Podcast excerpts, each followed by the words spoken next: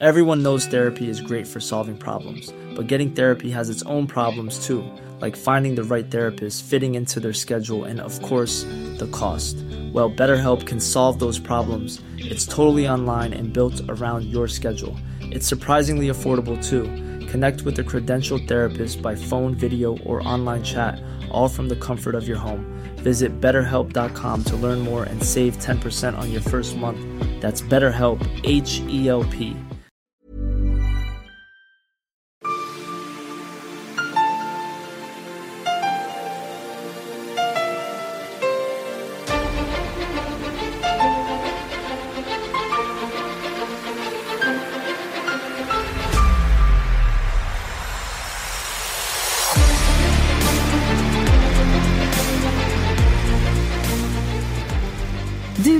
på Militärsnack, podcasten där militära saker blir lätta att fatta.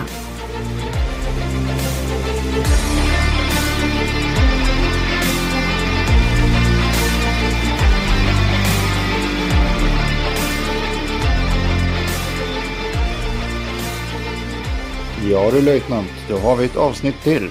Jajamensan. Det har vi. Idag ska vi prata med eh, fanjunkare Tim om simulatorer och sim simulatorstrid. Jajamän. Så är det. Och den som vill skicka pengar och stödja oss och ändå inte vill vara med i, på Patreon och binda upp sig utan kanske skicka en spontan slant, gör det till vårt Swish-nummer. 123 667 7231. Just. Och då märker man det med MS eller militärsnack eller och kanske vilken öl man tycker att vi ska köpa för pengarna.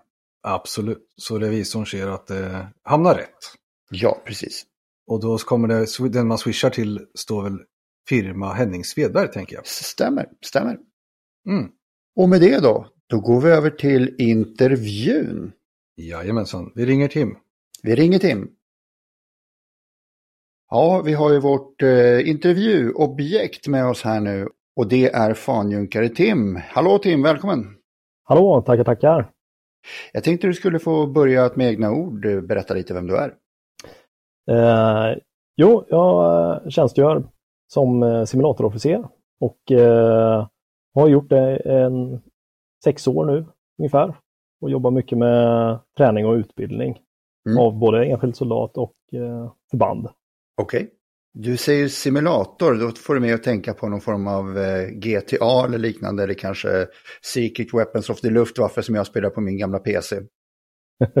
ja, och det, det är väl inte, inte helt fel, men eh, det är väl någonstans där mittemellan där. Det finns ju allt ifrån, eh, som jag brukar säga till folk som inte vet vår verksamhet, vi spelar ju allt från svindyr Laserdome till ja, PC-baserade, ja, tämligen likt Arma 3, skulle man kunna säga.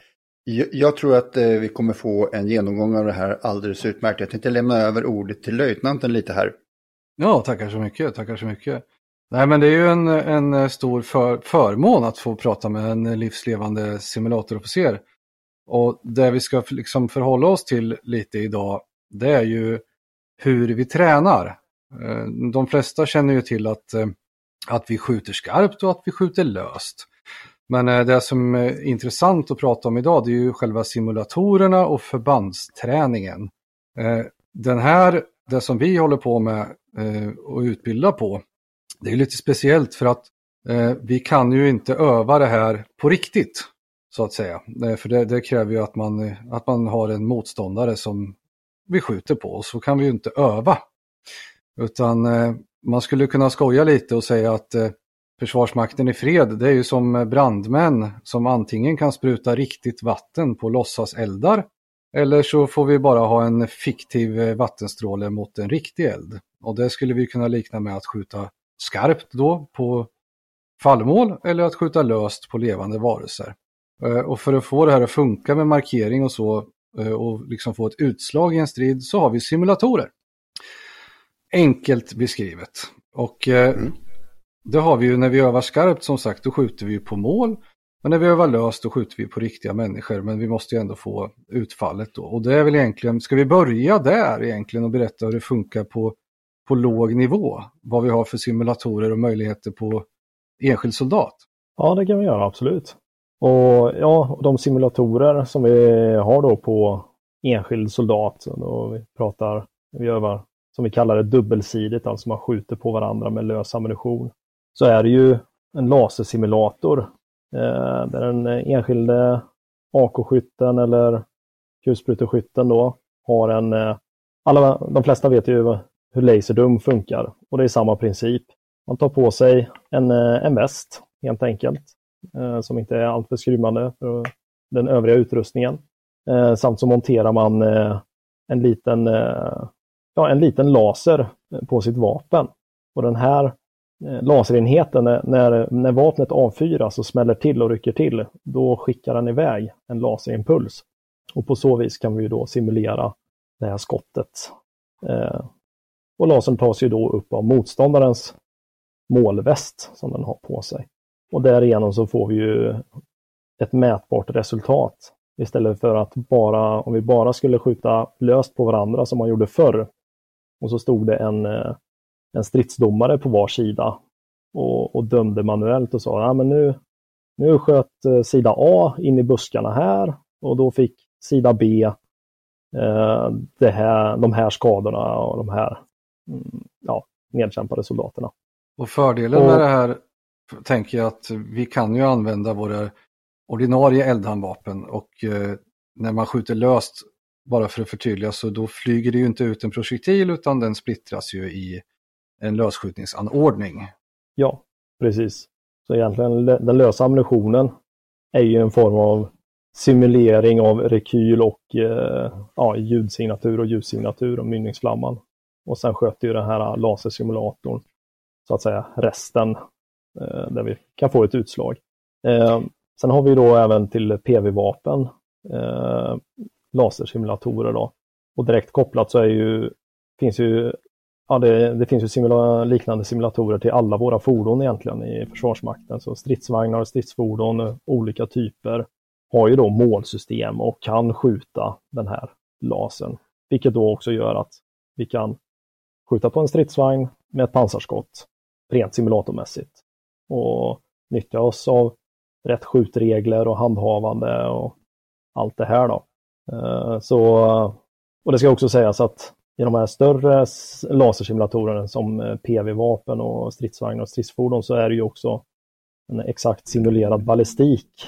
Eh, så det är ju ingen, vad ska man säga, som en raklaser om man tänker en, en laserpenna. Är det ju inte, utan det är en simulerad ballistik så man måste ju, beroende på avstånd så måste man ju också rikta rätt. Eller sidfart motsvarande. man tränar ju skyttarna hela tiden på skjutteknik. Så att säga, även fast det är kanske bataljonsövning. Så som det ligger till är ju, som jag sa, det, att automatkarbin och kulspruta det är ju exakt samma vapen eh, fast tillsatt eh, laserenhet. Eh, eh PV-vapnen är ju oftast specifika vapen men handhavandet är ju exakt samma. Men eh, som ett BT-pansarskott är ju ett specifikt, det, det, går ju aldrig skjuta någonting riktigt med så att säga, utan det är ju ett specifikt vapen framtaget för det här som ser likadant ut och har samma handhavande. Ja men precis. Och du nämnde ju BT där och det är, det, det är så det benämns i för, försvaret, BT 46. Och det står ju helt enkelt för beväpningsteknik. 46 är bara ett projektnummer har jag fått till mig.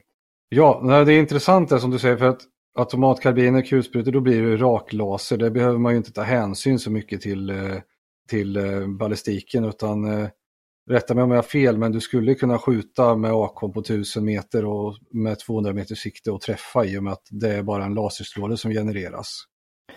Ja, ja men eh, det skulle ju kunna funka. Sen är de här, eh, om vi sätter en sån här laserenhet på en AK5 säger vi, så kommer, ska den konfigureras mjukvarumässigt så att den lasern bara räcker 400 meter ungefär. Som är, ja, eller kopplat till det praktiska skjutavståndet. Sätter vi det på en PSG så får den en annan mjukvara som begränsar räckvidden. Men, eh, men, eh, ja, men i sak har du rätt, det är en rak laser, den skulle kunna i princip nå hur långt som helst. Då. Rakt men, fram bara. Men jag tänkte så här då, om du, min tanke är att en laser den är ju i stort sett omedelbar. Mm. Du träffar ju det mål som du har rakt framför dig även om du gör en svepande rörelse med pipan. Du träffar du alltså en, en, en fiende som då är på ett visst avstånd som du egentligen måste hålla framförhållning mot. Som jag förstår så den här mjukvaran kompenserar för det så att den, den träffar som en riktig kula skulle ha gjort. Ja, och som eh, löjtnanten sa här, på, på eh, finkalibriga vapen så, så är det ju då ingen ballistik utan då är det ju då är det ju rent laserljus som går med ljusets hastighet. Eh, är det ju. Och, vilket gör att ja, man behöver inte ha någon framförhållning och man behöver inte ta uppsättning beroende på avståndet. Då. Där har man gjort ett aktivt val vid inköpet att ja, det behöver vi liksom inte lägga så många miljarder på att träna med de här simulatorerna, utan då lägger vi de pengarna istället på PV-vapen och stridsvagnar och stridsfordon. Där vi då har den simulerade ballistiken. Och, och hur det fungerar, det, ja, den mäter ju avståndet till målet snabbt. Sen lägger den ju på sin beräkning för det projektilet som man skjuter iväg, en spårhuspansad spränggranat till exempel. Men, eh, men som du säger, om man sveper, sveper förbi och trycker av, då är det ju både rent elektroniskt eh, i de här simulatorvapnen. Det sitter ju gyron och laserlober som, som sveper åt olika håll. Eh, så så det, det, har jag aldrig upplevt att eh, någon användare har sett som ett problem. Men däremot om man bara sveper förbi och trycker av, ja, då kommer det ju liksom inte mm. bli så bra. För grovt förenklat så på de finkalibriga vapnen så är det inte ett problem. I och med att eh, ja, men du har så pass korta avstånd så att du följer dina ordinarie skjutregler så kommer du att träffa upp till 200-300. Eh, det som är lite tråkigt är ju prickskyttegeväret just för det börjar du ta uppsättning då i kikarsiktet och, och skruva på det då kommer ju laser då kommer ju pipan ta en uppsättning som gör att lasern passerar förbi målet så då måste man ju alltid skjuta med samma, kanske 200 meter inställt eller något sånt där. Ja precis och det är ju på G, eh, på G in. Eh, eh ballistiska lasrar kallas ju de här som jag pratat om med stridsvagnar och PV-vapen. Men att nu när tekniken liksom har kommit eh, längre så blir ju elektronik mindre och mindre. Så numera finns det ju då ballistiska lasrar som är så pass små så att man kan faktiskt sätta dem på ett prickskyttegevär utan att det blir någon större störning för skytten. Och då får vi ju in då att prickskyttar kan öva eh, med realistisk ballistik. Ja, ah, kul.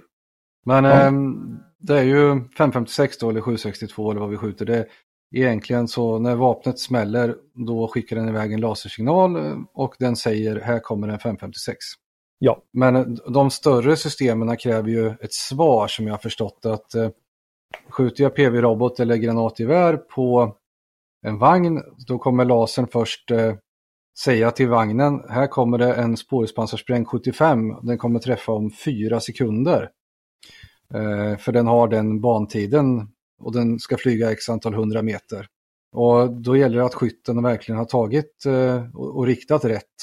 Och sen eh, om vagnen flyttar sig då, då på de här fyra sekunderna då, så att ballistiken blir ju extremt realistisk. Hmm. Mm. Kul. Mm. Varje, kan väl säga, eh, alltså vad, vad ett sånt här, till exempel PV-vapen kostar, det är ju runt en, en och en halv miljon, en simulator per styck. Eh, då, det brukar ge en liten förklaring på varför saker och ting fungerar. Eh, det, är liksom, det ligger lite pengar nedplöjt i det. Men å mm. andra sidan, det är ju det är en engångskostnad kan man säga. Sen är det underhåll såklart. Men eh, kontra då att eh, skjuta skarpt hela tiden, kostnaden där. Eh, skarp ammunition är ju dyr. Framförallt grövre kaliber. Och kan vi då få i princip samma ja, träningseffekt med simulering som skarpt så är ju det jättebra. Då kan vi öva mer. Och det kan ju användas både som skjututbildning, det är det vi pratar om lite grann nu, att öva skytte, men även i stridsutbildning. Ja, ja men precis. Ofta det generiska utbildningsåret pratar man ju nu numera om med värnplikt och det att då börjar det ju med, ja, förutom med, så att säga, själva gröntjänstdelen och allt det här, men när man börjar komma in på vapenskolorna det är då eh, som simulatorerna ofta blir inkopplade när GRG-skolan eh, gör sitt och robotskolan gör sitt och så vidare. Vagnskolor går samtidigt där. Det är då det kopplas på simulatorer. Och, och då är det ju inledningsvis ren skjututbildning där man övar skjutteknik. Och de som här, sen övergår då till stridsutbildning. De som kan det här och är duktiga, de programmerar ju de här grejerna. Det är det som Tim gör. Då kan man ju i skjututbildning till exempel, då kan man ju säga till ett pansarskott att eh, ja, du är ett pansarskott, men eh, du kan avfyras hur många gånger som helst. Eh, och sen kan man sätta upp eh, en, en mottagare eh, och den skulle vi kunna sätta upp på din franska bil, Henning. Mhm. Eh, Jajamän. ett sån här målprisma. Och så skulle vi kunna säga att den här franska bilen är nu en T72. Mm. Men jag har ingenting emot att ni skjuter med skarpa skott på min, min franska bil. Nej, så är det ju förvisso. Det kan vi lösa. Men eh, då hade du kunnat åkt runt med den här och eh, målschablonen då är en stridsvagn. Mm. Medan i Mm. stridsutbildning eh, så, så är din, då skulle din franska bil vara en fransk bil. Eh, och då, Dessvärre. Ja, dessvärre. Men då skulle också systemet veta om vart motorn satt och lite sådär. Ja, men det beror ju lite på vad man träffar, vad som, vad som händer så att säga. Det blir väldigt realistiskt. Som du säger att eh, skjuter jag fram i så får jag en annan träff än om jag skjuter bak i. Precis. Eller annan verkan menar jag. Ja, en annan verkan. Ja, men exakt. Och det är ju det man är, man är ute efter. Då tar vi ju klivet upp på i princip. Då börjar vi nagga på förbandsutbildning. Att där vill vi mäta stridens konsekvenser på ett realistiskt sätt. Vi övar dubbelsidigt. Att, precis som du sa, skjuter jag eh, fram i sidan på ett stridsfordon, ja då kanske vi får eh, rör, rörelseskada. vid- Alltså att fordonet kan skjuta men det kan inte ta sig framåt eller bakåt. Mm. Och så får ju ja, de övade agera utefter, utefter det, likt det skulle vara eh, i en riktig situation. Men om vi börjar med, vi börjar där vi var lite grann på låg nivå. Soldaternas väst.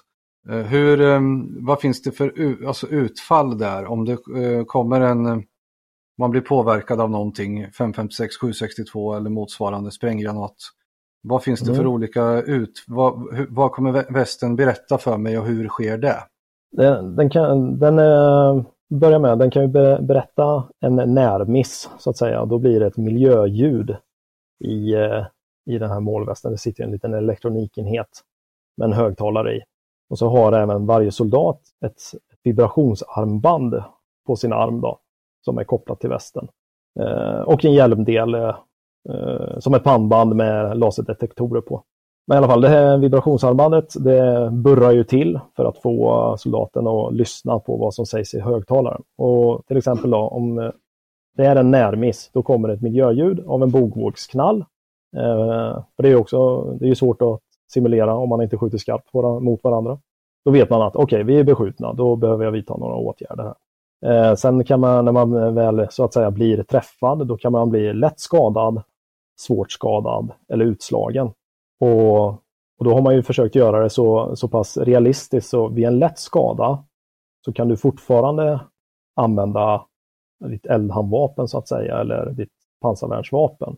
Eh, är du svårt skadad, då är, i realiteten, då, då ligger du egentligen bara och blöder och försöker överleva. Då är man ju inte så farligt, eller så farlig i, den riktiga världen så att säga. Då har man gjort som så att då kan inte den här svårt skadade soldaten skjuta iväg någon laser med något PV-vapen eller finkalibrigt vapen. Då. Så att för att just undvika det här fuskbeteendet då, att någon som är jättesvårt skadad plockar upp ett granatgevär och skjuter tillbaks. Mm. Eller om man till och med är utslagen och skjuter tillbaks, då är det ju ofarligt så att säga. Då är man ju odödlig om man redan är död. Ja, precis. Så, så all, allting prat, alla de här simulatorerna pratar ju trådlöst med varandra. Eh, de olika så att säga skjutdelarna och måldelarna. Så plockar jag upp en KSP-90 med en skjutdel på, då kommer den börja prata med min målväst och förstå att ah, okej, nu, nu tillhör jag den här målvästen. Du nämnde något där bogvågsknall. Det är nog någonting som vi aldrig har sagt i den här podden förut. Jag vill gärna att du berättar lite kort vad det är. Ja, bovågssnall. Ja, men det är ju effekten av när eh, ja, men ett projektil eh, bryter ljudvallen. Eh, helt enkelt. Och den, eh, då, då uppstår ju ett ljud när ljudvallen bryts. Och det hör man som soldat om någon skjuter förbi en nära Ja. huvudet. Som en, som en pisksnärt kan det upplevas. Ja, bågvågsknall, det, förr i tiden när man sköt på skjutbanan också, då stod man ju några stod, ett lag eller några stod ju framme i skjutvallen och markerade i, i skydd ska tilläggas, eh, helt ofarligt. Men då fick man ju projektilerna flygandes eh, över huvudet in i pappen och då, då hör man det karaktäristiska eh, snärtiga bogvågsknallsljudet som inte går att missta för någonting annat. Ja. Hur långt ifrån, alltså de här när de pratar med varandra, någon tänker ju nu direkt, ja men eh, Henning och jag är ute och, och krigar här och han får eh, en svår skada. Om jag sätter mig bredvid honom och skjuter mitt PV-vapen, är det fortfarande kopplat mot min väst? Eller kommer det liksom, vad är avstånden där? Ja, det där är en eh, väldigt vanlig fråga faktiskt. Och eh, vad ska vi säga, sändeffekten från respektive skjutdel är så låg. Så, så vi kan sitta dikt an varandra utan att våra skjutdelar så att säga byter målväst. Eh, och nu, jag har ju både varit liksom användare av systemen och aldrig upplevt det. Och nu mera är jag ju då instruktör och simulator och officer på systemen och, och aldrig hört det någon eh, annan användare eh, säga. Men det är många som, som kommer med just den frågan och blir lite oroliga. Men det, det funkar. Egentligen. Mm. Ja, nej, men då, då, har vi alltså miljöljud för närmissen då, bogvågsknall och vi har lätt skadad, svårt skadad och eh, nedkämpad eller utslagen. Ja, och ska jag också tillägga det här med skada. Lätt skadad så, så startar de kallar det en blödningsklocka. Mm. Så eh, omhändertar man inte den lätta, skadade, den lätta skadan så övergår det till en svår skada, likt att man ligger och blöder tills man blir svårt skadad helt enkelt. Mm. Men hur, ens, hur vet den när man har påbörjat så att säga? Vad sa du nu? Hur vet den när man har påbörjat omhändertagandet så att säga? Jo, det vet den eftersom att alla, som jag sa, så har ju alla soldater ett eh, vibrationsarmband. Och det funkar också som så att eh, eh jag omhändertar min eh, så att säga, skadade kamrat, sätter kanske en tourniquet på en arm och sen så dockar jag min, mitt armband mot den skadade soldatens målväst på ett specifikt ställe. Och då har man helt enkelt behandlat skadan eller stoppat blödningen. Det här låter ju för, för mig som inte har provat det här överhuvudtaget som att det, det kan vara rätt roligt det här. Ja, soldaterna tycker det är svinkul. Och jag, jag själv med. Mm. Hur, då måste jag fråga, när den säger, bågvågsknallen är ju uppenbarligen, det var ett ljud, men de här andra, är det, är det en röst som säger eh, eh svårt skadad, svårt skadad? Eh, och om det nu är en röst, är det BT-Berit som är kvar eller är det någon ny? Ja, jag är ledsen, jag måste tyvärr göra dig besviken. Tyvärr är inte BT-Berit, men det är en röst och den är numera data-animerad eller vad man säger. Okay. Eh, mm. Syntetisk röst. Men eh, nej, tyvärr är det inte Berit som är kvar.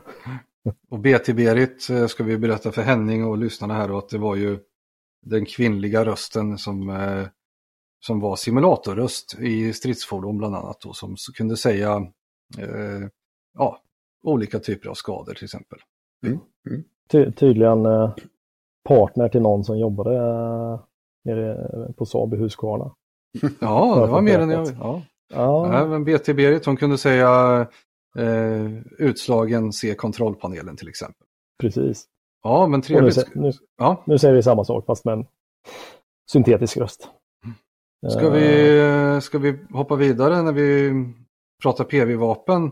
Ballistiken är ju intressant. Den, om vi tar till exempel ja, men en robot eller ett p-skott så vet den ju att den är en robot och ett p-skott. Och är det då i skjututbildning så kan den ju ha Eh, alltså hur många skott som helst. Men i stridsutbildning så ett p-skott som är ett engångsvapen har ju ofta kanske en, att den, den får skjutas en gång. Eh, samma med robot. Ibland mm. har det varit med om att man kunnat programmera så att om det varit brist på själva vapnen och att man inte kan tilldela en skyttegrupp fyra p-skott och då har de fått två och alla går att skjuta två gånger till exempel. Ja, men precis det stämmer. Eh, I stridsutbildning så att säga, då, då begränsar man ju ammunitionsmängden. Eh, för att på så vis också göra det realistiskt rent logistiskt. Men, eh, och man, men ja, vi som jobbar med det kan ju ställa om det precis som ja, det övade förbandet vill ha. Och ofta är det ju som till exempel p-skott. Att varje p-skottsrör går att skjuta två gånger. Just för att ja, de kostar en och en halv miljon styck. Så kan man inte strössla med dem. Det är ju också sannolikt möjligt, eh, jag vet att man kunde förr, du kunde ju göra om ett, ett pansarskott att det var en stridsvagn, men det är ju ingenting man gör. Jag vet inte om det är Nej, möjligt. ja, precis. Det, ja, de har eh, också fått veta att ja, men man kunde göra det förr tydligen, men, men det tog de bort sen. När det uppdaterades, eh, ja, eh, ja, he- hela mjukvaran i simulatorparken kan man säga. Då, då tog man bort den möjligheten, tyvärr. Men generellt sett på engångsvapnen så är det ju samma handhavande. Granatgeväret, då är det väl eh, granaten som är programmerad. Alltså det sitter en skjutdel i eldröret men sen granaten är programmerbar om den, vad den ska vara för någonting. Ja, precis. Och nu, kopplat till eh, GRG modell 48, så eh, ja men den eh, själva simulatorvapnet är ju, är ju äldre också, för det togs ju fram tidigare. Så det är, ju, ja, det är lite yxigt, framförallt tempering av granaten. Så det är ett räkneverk man får trycka på istället. Så, men det, är- det är rent, vad ska vi säga, verkansmässigt så har det ju samma effekt. Att man kan tempera sin, välja och skjuta en spårhuspansrad spränggranat. Alternativt så eh, trycker man på en knapp så blir det helt plötsligt en spränggranat och då kan man tempera den för ja, ögonblicksbrisad över målet eller luftbrisad motsvarande. Ja men då har vi rätt så bra koll på vad som gäller för eldhandvapen och soldaternas eh, västar och även eh, PV-vapnen. Men eh, på de finkalibriga så skjuter vi alltså lös ammunition och det är ju egentligen en... Vapnet funkar exakt likadant som det är tänkt men att vi skjuter så kallade träplugg som, som splittras och det kommer inte ut någonting mer än krutgas. Hur är det med eldmarkering?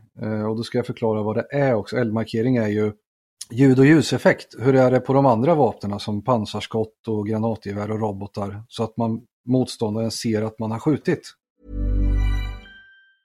I'm Sandra, and I'm just the professional your small business was looking for. But you didn't hire me because you didn't use LinkedIn jobs. LinkedIn has professionals you can't find anywhere else, including those who aren't actively looking for a new job but might be open to the perfect role, like me. In a given month, over 70% of LinkedIn users don't visit other leading job sites. So if you're not looking on LinkedIn, you'll miss out on great candidates like Sandra. Start hiring professionals like a professional. Post your free job on linkedin.com/people today. Everyone knows therapy is great for solving problems, but getting therapy has its own problems too, like finding the right therapist, fitting into their schedule, and of course, the cost. Well, BetterHelp can solve those problems. It's totally online and built around your schedule. It's surprisingly affordable too.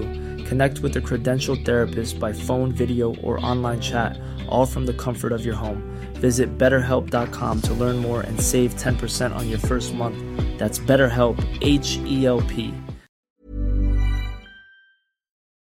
Ja, men då eh, finns det då möjlighet att sätta i en eh, sån här eldmarkering bak i både robot, olika robotsystem och GRG och pansarskott. Och, och det är som, precis som du säger, det är ju en ljud och ljus eh, signatur. Just för att om, du, om man blir beskjuten på riktigt av ett granatgevär så, så kommer man ju troligtvis kunna se eh, skjutplatsen så att säga med tanke på bakblås och allting där. Så det, det blir en liten knall, en rökpuff och en ljusblixt. Eh, men som är såklart eh, inte alls lika farlig som det skarpa bakblåset så att säga. Så det har man ju också tänkt till på. Och likadant är det för stridsfordon och stridsvagnar att det, det, är, en, det är en eldmarkering där med då. Så att motståndaren också kan se att de, de blir beskjutna. Hm. Ja, nej, men då har vi lite koll på, eh, på soldatnivå hur det funkar med simulatorerna. Utöver det har vi lite, finns ju några andra sätt att träna på. Eh, det ena är ju FX och det är ju egentligen, eh, om, om vi liknar det här andra vid, vid Laserdome så är ju FX eh, paintball. Vi har ju faktiskt ett system där man kan skjuta färgpatroner på varandra. Mm. Också med våra så att säga vanliga vapen som man bara ja, lite lätt konverterar. Ja, precis. Och det här finns ju inte i några grova, det finns ju inga, inga FX pansarskott och eh, ingen stridsvagnsammunition som skjuter färgburkar utan det här är ju finkalibrigt. Det hade blivit spännande annars. Det hade blivit väldigt spännande. Vad kan vi mer nämna som träningsmöjlighet som jag, det kan jag ta. Mm, Hemvärnet har ju en väldigt intressant eh, ja, simulatorliknande grej som heter Halvar. Och eh, den blir väldigt realistisk. Det är egentligen så att man sätter upp ett tält på en skjutbana. Och eh, närmast eh, skjutvallen då, kulfånget, så är det en, en filmduk. Och på den kan man spela upp eh, saker och då kan du skjuta på filmduken. Eh, skillnaden är att det inte är förinspelade sekvenser utan du kan ha en riktig människa eh, ståendes några hundra meter bort med en filmkamera. Och eh, om vi säger att Henning är i tältet, då kan du prata via en mick och då hör jag som skådespelare det här och då kan jag spela upp eh, olika saker och interagera med dig, svara på frågor och du kan säga allt och jag kan välja att inte stanna och du kan även skjuta på mig på bild så att säga. Ett litet sidospår. Sen har vi väl lite, Ja. sen har vi lite mer på, i ditt spår där Tim, som eh, det är väl framförallt, då tänker jag väl på BTA om du vill berätta vad det är för någonting.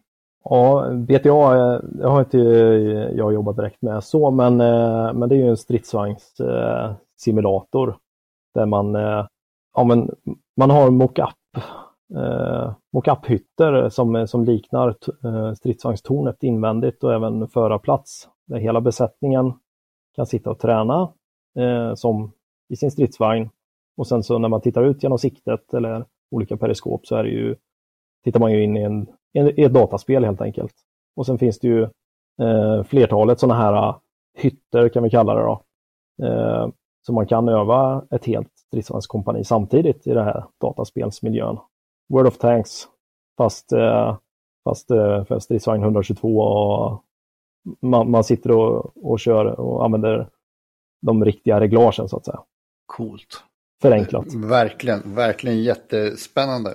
Sen har vi ju torn, ja det finns en annan eh, simulator för just stridsvagn, det är ju torntränaren och den är ju den är mer kopplad till att öva eh, laddaren också i, i stridsvagnen då som på Leopard måste ta en granat från ammunitionslagringen och stoppa in den i, eh, i kanonen så att säga. Eh, det är väl en, en äldre, äldre form av simulator det, men eh, där kan även skytten öva lite skjutträning. Mm. Men den är, den är som sagt den är lite äldre än den här BTA. Då. Vilka grejer. Ja, det finns, det finns prylar. Kan man inte få komma och provleka med det där? Absolut ska vi ordna ett studiebesök. Det är, det är inga konstigheter. Det är fullt görligt. Ja, ja, gud ja. Absolut. Men vi måste ju nu när vi... Nu måste vi ju komma till det intressanta som jag tycker är intressant egentligen. Eh, Allt är intressant men eh, enskild soldat och så vidare, pansarskott, det har vi pratat om. Om vi pratar förbandsträning, om vi pratar eh, lite större kakor, för det är ju trots det som har en rejäl effekt. Och det spelar ingen roll hur bra enskilda soldater vi har om vi inte kan uppträda i, i eh, kompani och bataljon. Ja, så är det ju, helt klart. Och där är vi ju helt avhängda av, eh, av din kompetens och det som ni håller på med. Och då tänker jag närmast på STA. Ja, precis. Och, och vad är STA då? Eh, det står för stridsträningsanläggning. Och det är ju en, eh, så att säga, en egen eh, enhet i Försvarsmakten som har till uppgift att utbilda, träna och utvärdera förband helt enkelt. Och de har bland annat då som en stor lastbilstrailer fullsmetad med radioapparater, bildskärmar och så vidare. Och de här simulatorsystemen BT som vi pratade om i början, de sänder ju både sin GPS-position samt alla sina händelser upp till den här stridsträningsanläggningen STA. Då, som då kan sitta och följa ja, förbanden på karta från enskild soldat till liksom, ja, man kan, man kan så se på vilken nivå man vill. Eh, då kan ju de sitta där och utvärdera och se hur förbandet rör sig, vad som sägs på radion eh, och så vidare. Då. Och där, eh, i den eh, miljön så kan man då även skjuta indirekt eld eh, mot varandra i den här BT-striden om vi kallar den det. Eh, då, rö- röd sida skjuter mot blå sida indirekt eld, ja då kommer det skickas ut till eh, de här BT-simulatorerna att ja, nu är ni påverkade av indirekt eld. Eh, det, det är haubits 15,5 som skjuter spränggranater. Ja, så kommer det bli en, en effekt och verkan av det. Då. Och så får man dra lärdom av det och de är ju även väldigt duktiga på att och som sagt utvärdera. Ja, väldigt, väldigt bra utvärderingar för förband då. När de ser vad som gick bra och vad de kan göra bättre. Och det vi ändå pratar indirekt eld så är det ju även miner man kan lägga in så att det, man får med det tredimensionella om, eh, om har grävt ner miner, då gräver de ner blinda miner och sen registrerar man in det i den här STA. Så kör man in det med sin vagn så kommer då blir det en signal ut att nu har du kört in i en minering och eh, vagnen reagerar därefter. Precis, jajamän och, och även CBRN-hot eh, finns ju också då. Så att man kan kontaminera eh, likt ja, eh, vad ska man säga, trängpartier som, eh, som vissa nationer har i sin doktorin, att man eh, kontaminerar terrängavsnitt för att motståndaren inte ska kunna vara där. Så det kan ju också simuleras då med hjälp av det här SDA. Och allt det gör ju att för soldaten som övar så är det ju så likt verkligheten som det kan bli. Ja, ja men det är det ju. Och, och, och, och kopplat till, jag tänker CBR här, det finns ju även framtaget men det är inte inköpt ett, eh, ett BT-filter till skyddsmasken. Mm. Som då, ja, det, ja, likt alla andra simulatorer så är den ju, pratar den ju trådlöst om med den här målvästen. Så blir målvästen kontaminerad med CBRN eller C-hot till exempel, så, eh, så börjar det liksom en, en klocka och då gäller det för soldaten att ta på sig skyddsmasken och börja andas i den. Då registrerar systemet att ah, okej, okay, nu har soldaten skyddsmask på sig. Nu är, nu är den skyddad och då överlever du. Men hinner du inte inom en viss tid, ja, då kommer du då ja, dö helt enkelt i, i den här övningen. Nu, nu ställde jag frågan om, du nämnde hur mycket det här kostade, jag frågade om det var roligt. Det låter ju här på det som du berättar att det här är väldigt, väldigt bra. Kan man på något sätt mäta hur bra och effektivt det är? Vad är det för skillnad på samma soldat som har genomgått det här och som inte har genomgått det? Kan man någonstans utröna det? Ja, alltså det finns ju mm, äldre FOI-studier. Där man har, det här togs ju fram, kom ju med på bredd, vad ska vi säga, slutet 90-talet. Eh, det började med att det bara fanns i stridsvagn och så, men sen kom det ju på bredd till eh, även avsutten personal på slutet 90-talet.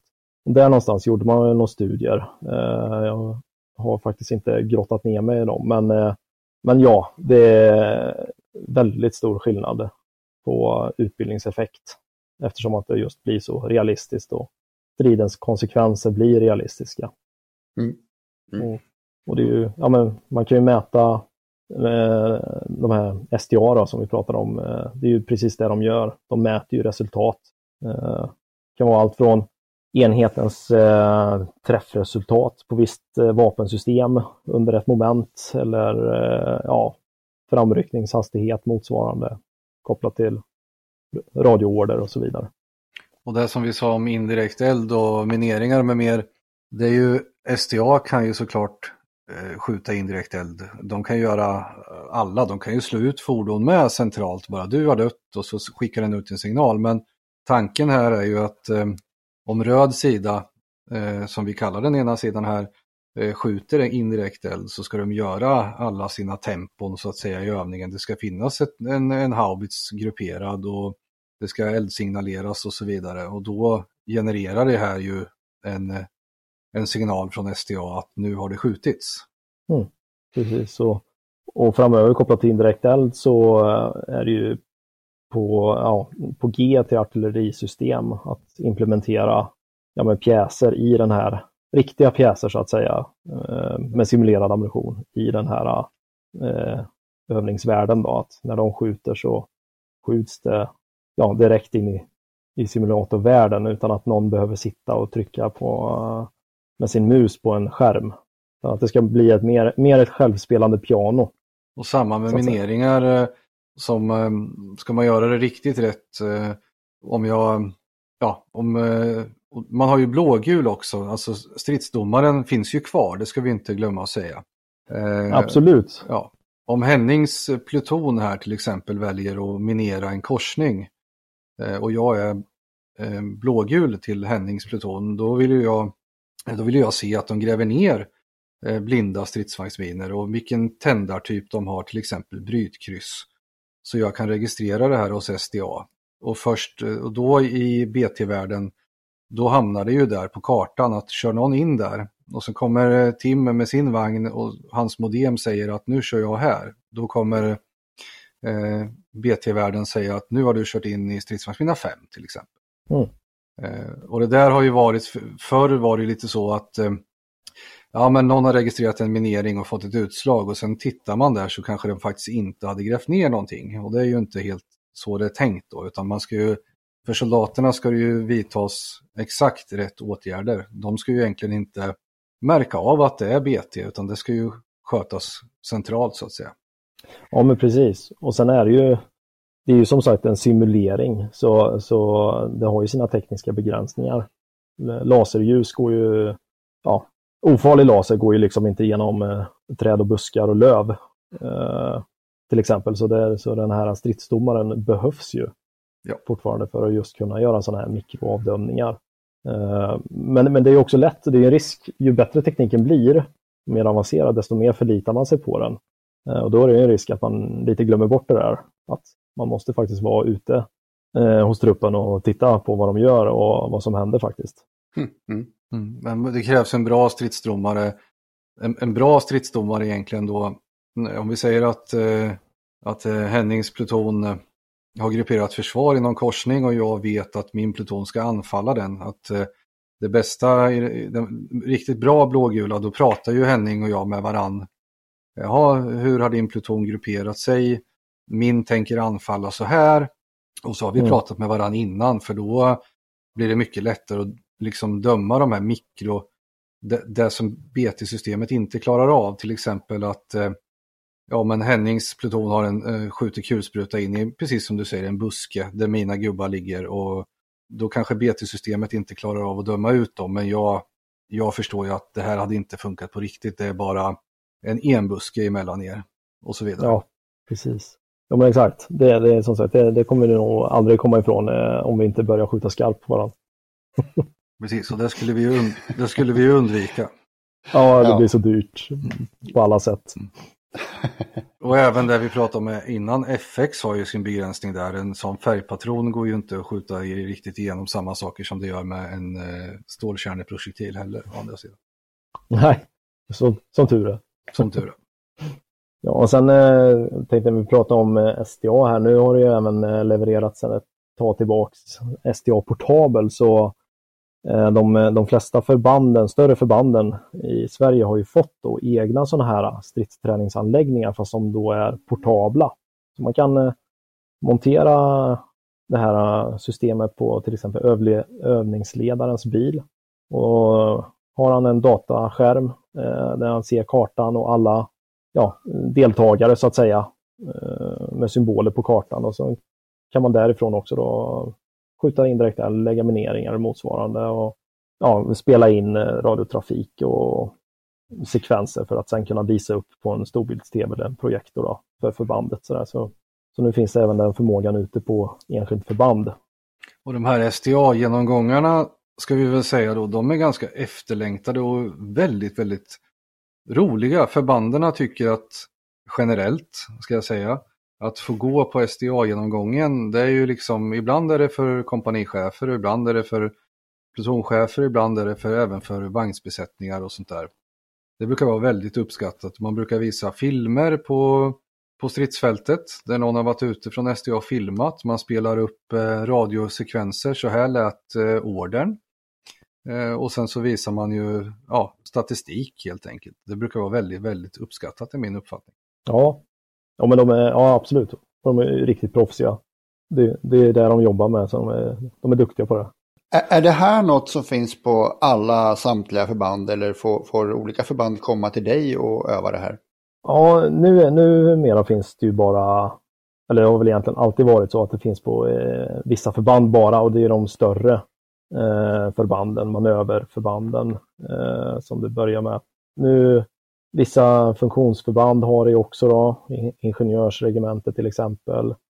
Eh, men det, men vi, vi, har så att säga lite för få för att kunna fylla alla, alla förband, orgen, så att säga, respektive regemente. Utan eh, det är de som det är I19, P4, P7, P18, ingenjörerna, ja, och Livgardet. De här ja, större garnisonsorterna i princip kan man säga. Mm. Och då är det ju som sagt, är man, har man inte de här simulatorerna, ja, då får man ju helt enkelt komma, komma och låna om det finns över. Så att säga. Just, just. Men det, tanken är väl också att det, det ska ju införas mer på bredd eftersom att det just är sån eh, god träningseffekt. Och också kopplat, ja men det är ju ekonomi också såklart inblandat i det. Det är ju så, så, så det, det ska ju ut på bredd. Det ligger mm. i inköpspipen. Ja, ja, det var ju dyra grejer men, men eh, blir utbildningen bättre så måste det vara väl värt det. Ja men det är det ju. Ta en eh, stridsvagn till exempel och skjuta en eh, skarp spränggranat eller övningsprojektil. Vet jag inte, har jag inte i huvudet vad en sån kostar men det lär ju vara, vet inte löjtnanten om du har. Ja det är några starköl, det kan vi säga. Det, det är några starköl, ja. Det är, på, det är ett gäng flak, kanske på pallar. och om vi då kan få samma träningseffekt genom att så att säga skjuta bara en laser. Mm. Så ja, då har vi ju så att säga betalat av den här simulatorn ganska snabbt, kanske till och med på ett utbildningsår. Mm. Nu håller du på med det digitala och simulatorer och jag nämnde ju tidigare här eh, mer sådana här first shooter-spel och sånt. Mm. Jag tror säkert att en del undrar vad har du för effekt av, att, av de, de eh, soldater du får träna som har spelat mycket. Nu kommer jag inte ihåg vad de här spelen heter, men är det en för eller nackdel på något sätt? Alltså för, fördelen är ju om vi kopplar det till eh, eh Strisim PC som det heter. Eh, och det är ju, ja tänk Arma helt enkelt. Man, man, det är en stor eh, datalektionssal eh, med massa datorer där man kan träna eh, ja, ett helt kompani i princip. Du kan och, göra växelvis framryckning och så vidare. Ja, du är, det är first person är det ju. Och sen kan du välja du och din eh, besättning som är stridsfordonsbesättning, ja då, då får ni sitta i en, ett stridsfordon 90 och du är vagnchefen och skytten är skytt och har sitt riktdon och, och föraren har sitt styrdon. Liksom. Och, och så tittar man på sin datorskärm och, och kör helt enkelt.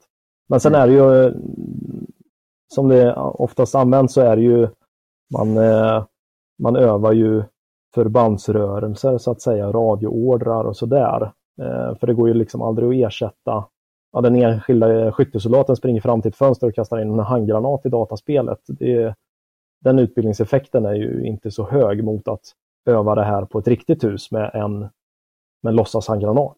Mm. Mm. Eh, så, så det är ju, man kan öva allting men utbildningseffekten på hos enskild soldat är ju låg medan man mer på förbandsnivå får okay. en högre effekt med de här first person-spelen. Jag fattar. Det är lite olika sätt att öva på egentligen.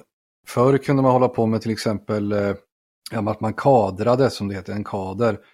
Eh, då kunde vi egentligen för en kompa- öva en kompanichef så, ska, så behöver du ha ja, men du behöver ha dina plutonchefer i fyra stycken eh, bilar med en radioapparat. Eh, om kompanichefen sitter i ett bakre läge och ger ordrar och de åker runt med sina bilar och anmäler när de är på specifika platser så så har du övat en kompanichef på att prata i radio. Men du har mm. inte övat dina plutonchefer särskilt mycket mer än att de har svarat på radio.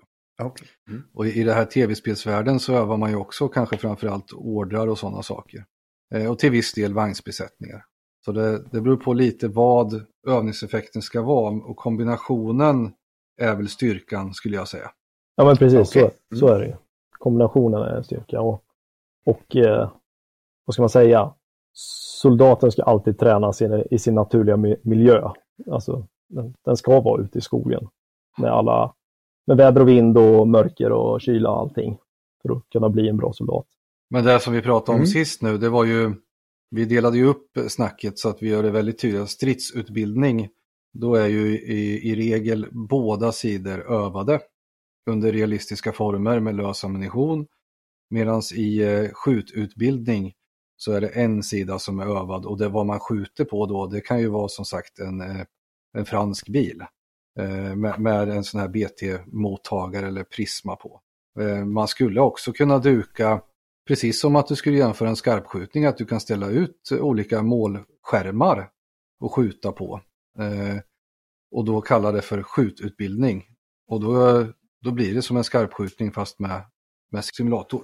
Mm. Och det finns ju vissa nationer som har kört all in, höll jag på att säga, men just eh, som du sa, har fallmål som reagerar på det här ja, lasersimulatorerna. Så, så man skjuter löst på så att säga skjutfältet mot fallmål som, eh, som faller. Eh, men det är liksom ingen risk för, för riktiga projektiler. Och det finns ju alla möjliga fallmål och fordonsmål och rälsmål och så vidare. Och det vi måste göra är ju att blanda. För som sagt, skjututbildning med skarp ammunition är ju ett måste. Det är ju då du får de här, som du sa, den rätta miljön med ja, men, kyla, fukt och sånt och vapen som får eldavbrott och sådana saker. Det får ju inte en, en, en simulatorkanon, får ju inte eldavbrott. Nej, men precis. Exakt. Mm. Precis så. Nej, och, och det, det, är väl också kanske en risk med alltså, mer avancerade simulatorer och så, att man li, lite glömmer bort att göra det så att säga på riktigt, eh, vilket man absolut inte får göra, tycker jag. Ja, precis, man måste ju, skarpskjutningen är ju en förutsättning men bara en sån här sak som ammunitionshantering. Eh, det får du ju med på de finkalibriga systemen 556, 762 lös. Men om vi säger 40 mm Akan, stridsvagnskanon, bara det att hantera, att plocka in all ammunition i vagnen, alla emballage och allting. Mm. Eh, och sen de eldavbrott som kan uppstå, som eh, på de finkalibriga vapnen uppstår när du skjuter löst, men i en stridsvagnskanon eller en 40 mm Akan eh, i simulatorvärlden så blir det ju inga sådana eldavbrott. Nej, nej precis, du får ju liksom aldrig klick där. Det, nej men så är det ju. Helt klart. Och det är väl eh, nästa steg eh, kopplat till de här eh, ja, lasersimulatorer här vi övar, när vi övar förband, att få in logistik där också. Det är väl egentligen nästa kliv som man har börjat titta på och kunna mäta, mäta logistiken under för, förbandsträning med hjälp av de här systemen också. Utan logistik så blir det ju inget krig. Fascinerande. Hur funkar det förresten med omladdning när vi ändå pratar om det? Om vi tänker Eh, automatkarbiner, kulsprutor, då precis som vanligt i och med att du skjuter lösammunition. Men om vi tar en stridsvagnskanon eller en automatkanon, hur funkar eh, liksom påfyllning av ammunition i, i facken på en, ett stridsfordon i, i simulatorvärlden och stridsvagnen när han har skjutit en pil? Eh, genereras det en tid eller gör man någonting fysiskt? Ja, det, här, det görs ju helt eh, så att säga eh, elektroniskt med hjälp av en liten en liten kontrollpanel med knappar på. Och vad, till exempel om man ska fylla på ett, eh, ett fack i stridsfordon 90. Ja, ett, ett, eh, ett tryck på knappen är lika med att fylla på en granat och sen om man satt en viss tid att det tar tre sekunder att fylla i varje granat. Eh, så tidsuttaget för att fylla ett fack tar lika lång tid som att göra det på riktigt. Eller att stuva om ammunition från den fasta amlagringen upp i karusellagringen. Ja, så då har man ju gjort det på så vis istället. Att det tar samma tid. Just det. Fast man trycker på en knapp istället. Men du förlorar hand, det handgripliga på de grövre systemen. Att eh, just ammunitionshanteringen förloras ju i simulatorvärlden på ett sätt. Ja, ja men precis. Och när vi ändå är inne på med stridsfordon och, eh, och hantera olika saker, då har vi ju rökkastarna och rökammunition. Hur ofta övar, övar eh, övar man på det på riktigt så att säga. Det är eftersom att vi inte riktigt får skjuta det på alla skjutfält, eh, den skarpa röken så att säga. Så, så det, det är också någonting, nu vet jag att det tittas på att ha någon övningsammunition eh, för rökkastarna då, som man då får skjuta på skjutfält utan att det blir något, något drama så att säga. Eh, men även så är det kopplat till simulatorerna för det är ju förbandsskedet, eh, förbandsträningsskedet är ju det längre skedet och eh, där besättningen sitter i vagnen och befäster beteenden. Och eh, som det är nu så har vi ingen möjlighet att, så att säga, simulera och skjuta närskyddsrök. Eh, och det, men eh, men det, det, är som sagt det är ett pågående projekt eh, som, som väldigt många, framförallt inom stridsvagn och stridsfordonsspåret, vill ha fram med det är, också, ja, det är direkt kopplat till erfarenheter från Afghanistan och 90, 90-systemet och så. Att man eh, vissa tillfällen har glömt bort att man faktiskt har närskyddsrök. För man har, han, man har övat alldeles för lite på det. Mm. Förtydliga kort eh, för lyssnarna som till exempel Stridsfordon 90 eh, och eh, stridsvagn har ju eh, rökkastare eh, som eh, man trycker på, man avfyrar de här så utvecklas en momentan rök och man blir man blir osynlig för blotta ögat, men det finns även eh, IR-dämpning i de här som gör att eh, sikten och sånt har svårt att se igenom exakt vad som är i granaten, men Eh, det är olika typer av sammansättning som gör att, i, att den får en IR-dämpande effekt också under en viss tid. Mm.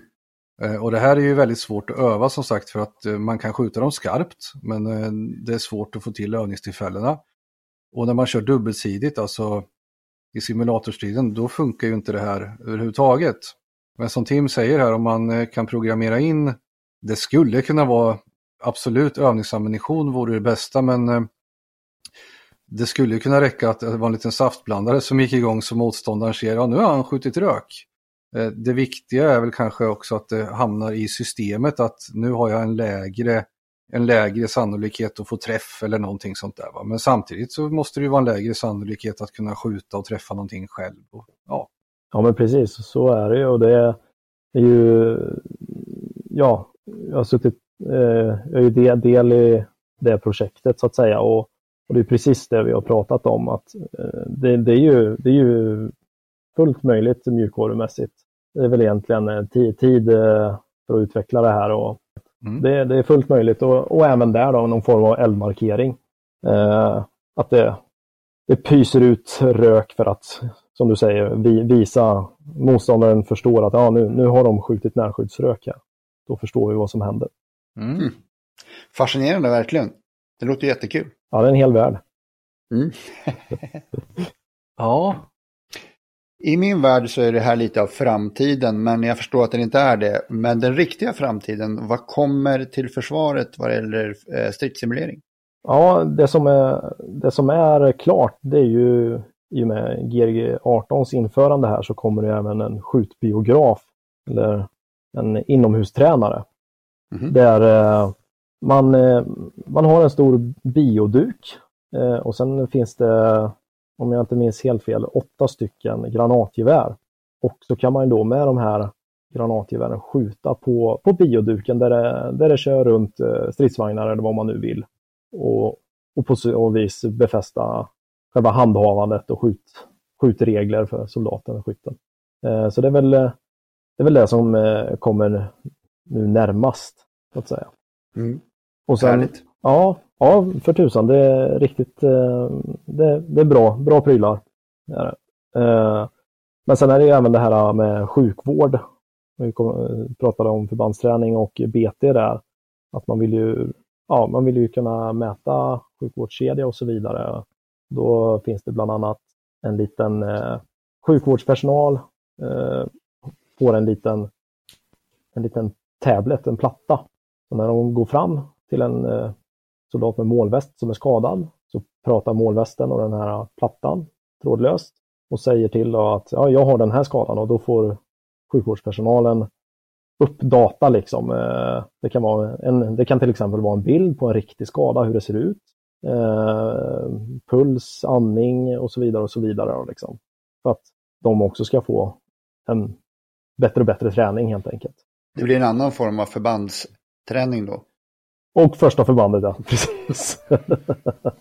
Mycket förband där. Jag kan säga det kort. Så som man löser det nu, det är ju skadekort. Att man, och det blir ju inte riktigt realistiskt som innan övningen så delar man ut eh, här Henning har du en papperslapp, stoppa den i höger bröstficka. Och om din väst säger att du är eh, skadad, då tar du fram det här och så spelar du det som står där. Det står snabb andning, eh, ytlig puls, du har ont i höger ben och det blöder. Eh, och då är tanken att du ska spela så som det står på kortet för sjukvårdspersonalen. Mm.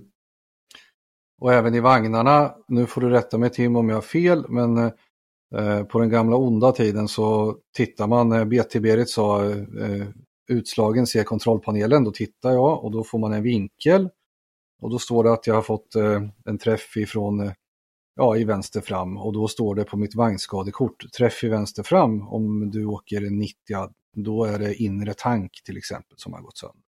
Eh, och då är det det jag ska spela för eh, driftsstödsgruppen, att ja, jag har fått en träff i inre tank. Och då ska de eh, bestämma vad som ska lagas och hur lång mm. tid det tar. Ja, ja men precis. Jajamän. Så det, man, kan, man kan ju skala, som sagt, man kan ju skala upp det hur mycket som helst eh, och koppla på simulatorer till det här. Men, eh, men det är som sagt, det används ju fortfarande det här skadekort och så. Det, det är effektivt. Det är det ju. Ja, det är intressant framförallt på vagnar och sådär för att kan de sina system väl, vilket de kan, då kan de ju också räkna ut att, eh, ja men eh, vi tar exemplet då, jag fick en träff eh, vänster fram, inre tank har läckage. En drillad vagnsbesättning vet då vilka kranar de ska vrida på inne i vagnen för att mata direkt ifrån yttre tank och kunna köra vidare. Ja, just det. Ja, men precis. Så att det finns ju sådana möjligheter så att bara för att någon säger utslagen så stannar man ju inte bara och är där utan man vidtar åtgärder då. Eh, till exempel närskydd och så lagar man eh, antingen trupp, eh, alltså besättningen reparerar eller så kommer DSG eller så behöver det här eh, vagnen transporteras till ett trosskompani för något mer avancerat, till exempel ett motorbyte eller vad det nu kan vara. Ja, men precis. Och som du sa där, även fast man då så att säga är utslagen i av simulatorn så ja, man, man blir ju inte vassare utav på att öva och vara död. Utan då är det bättre att öva på något under tiden. Nej, jag tror död just det är nog det enda man inte behöver öva på. Ja, jag har en känsla av det med liksom. Men, men, det är, men det kan ju vara lätt om man är lite löddrig och trött kanske. Ja. ja, grymt. Men Tim, då tycker jag att vi har fått en jättebra genomgång av stridssimulering och eh, det har varit jättekul att lyssna. Ja, tack för att jag fick medverka. Ja, det är vi som tackar. Det är vi som tackar alltid. Det gör vi. Toppen! Tackar så Tackar. mycket. Hej då, hej då. Ja, hej då! Ja, då har vi ju haft en intervju med eh, Fonjunka Tim. Jajamän. Väldigt intressant. Eh, det är som vanligt i den här podden att eh, ibland så är det på hög nivå, ibland på låg nivå, ibland är det teknik och ibland inte. Men sammantaget så hoppas jag att vi har skapat en bild av hur vi övar och vad vi har för system. Mm, och jag blir bara nyfiken på att prova att leka med det där. Absolut. Nej, men då så löjtnant, då tycker jag att vi har väl ett program, va? Det tycker jag absolut att vi har. Och de som inte har hört om ölen och hört om datumet och hört om vad skulle vi, de går ju in på patreon.com slash militarsnack och skaffar sig ett abonnemang på militärsnack där så får de allt som vi sänder. Och dessutom utan Acasts reklam. Jajamän. Och eh, man kan ju hitta allt det via vår hemsida www.militarsnack.se. Jajamän, och sen så på Facebook så bara sök efter militärsnack så hittar ni oss där. Jajamän. Och då vill vi ju att ni dels går med på vår Facebook-sida men att ni trycker på alla sådana här knappar och sånt som finns med gilla och följ och dela gärna våra avsnitt. Mm. Och som sagt, eh, vill ni höra hela avsnitten så har vi ju det, finns ju på Patreon om man vill stötta oss. Jajamän. Så alltså, snacka med oss och snacka om oss. Ja, och det finns ju andra sätt att stötta också. Vill man inte bli Patreon som vi sa i början, då har vi ju det här 123 667 7231 Ölswishen. Jajamän, det är härligt. Absolut, Ja, men då så löjtnant, då tackar vi väl då. det gör vi. Mm. På återseende. Tackar så mycket. Tackar, tackar. Hej. Hej då, hej då.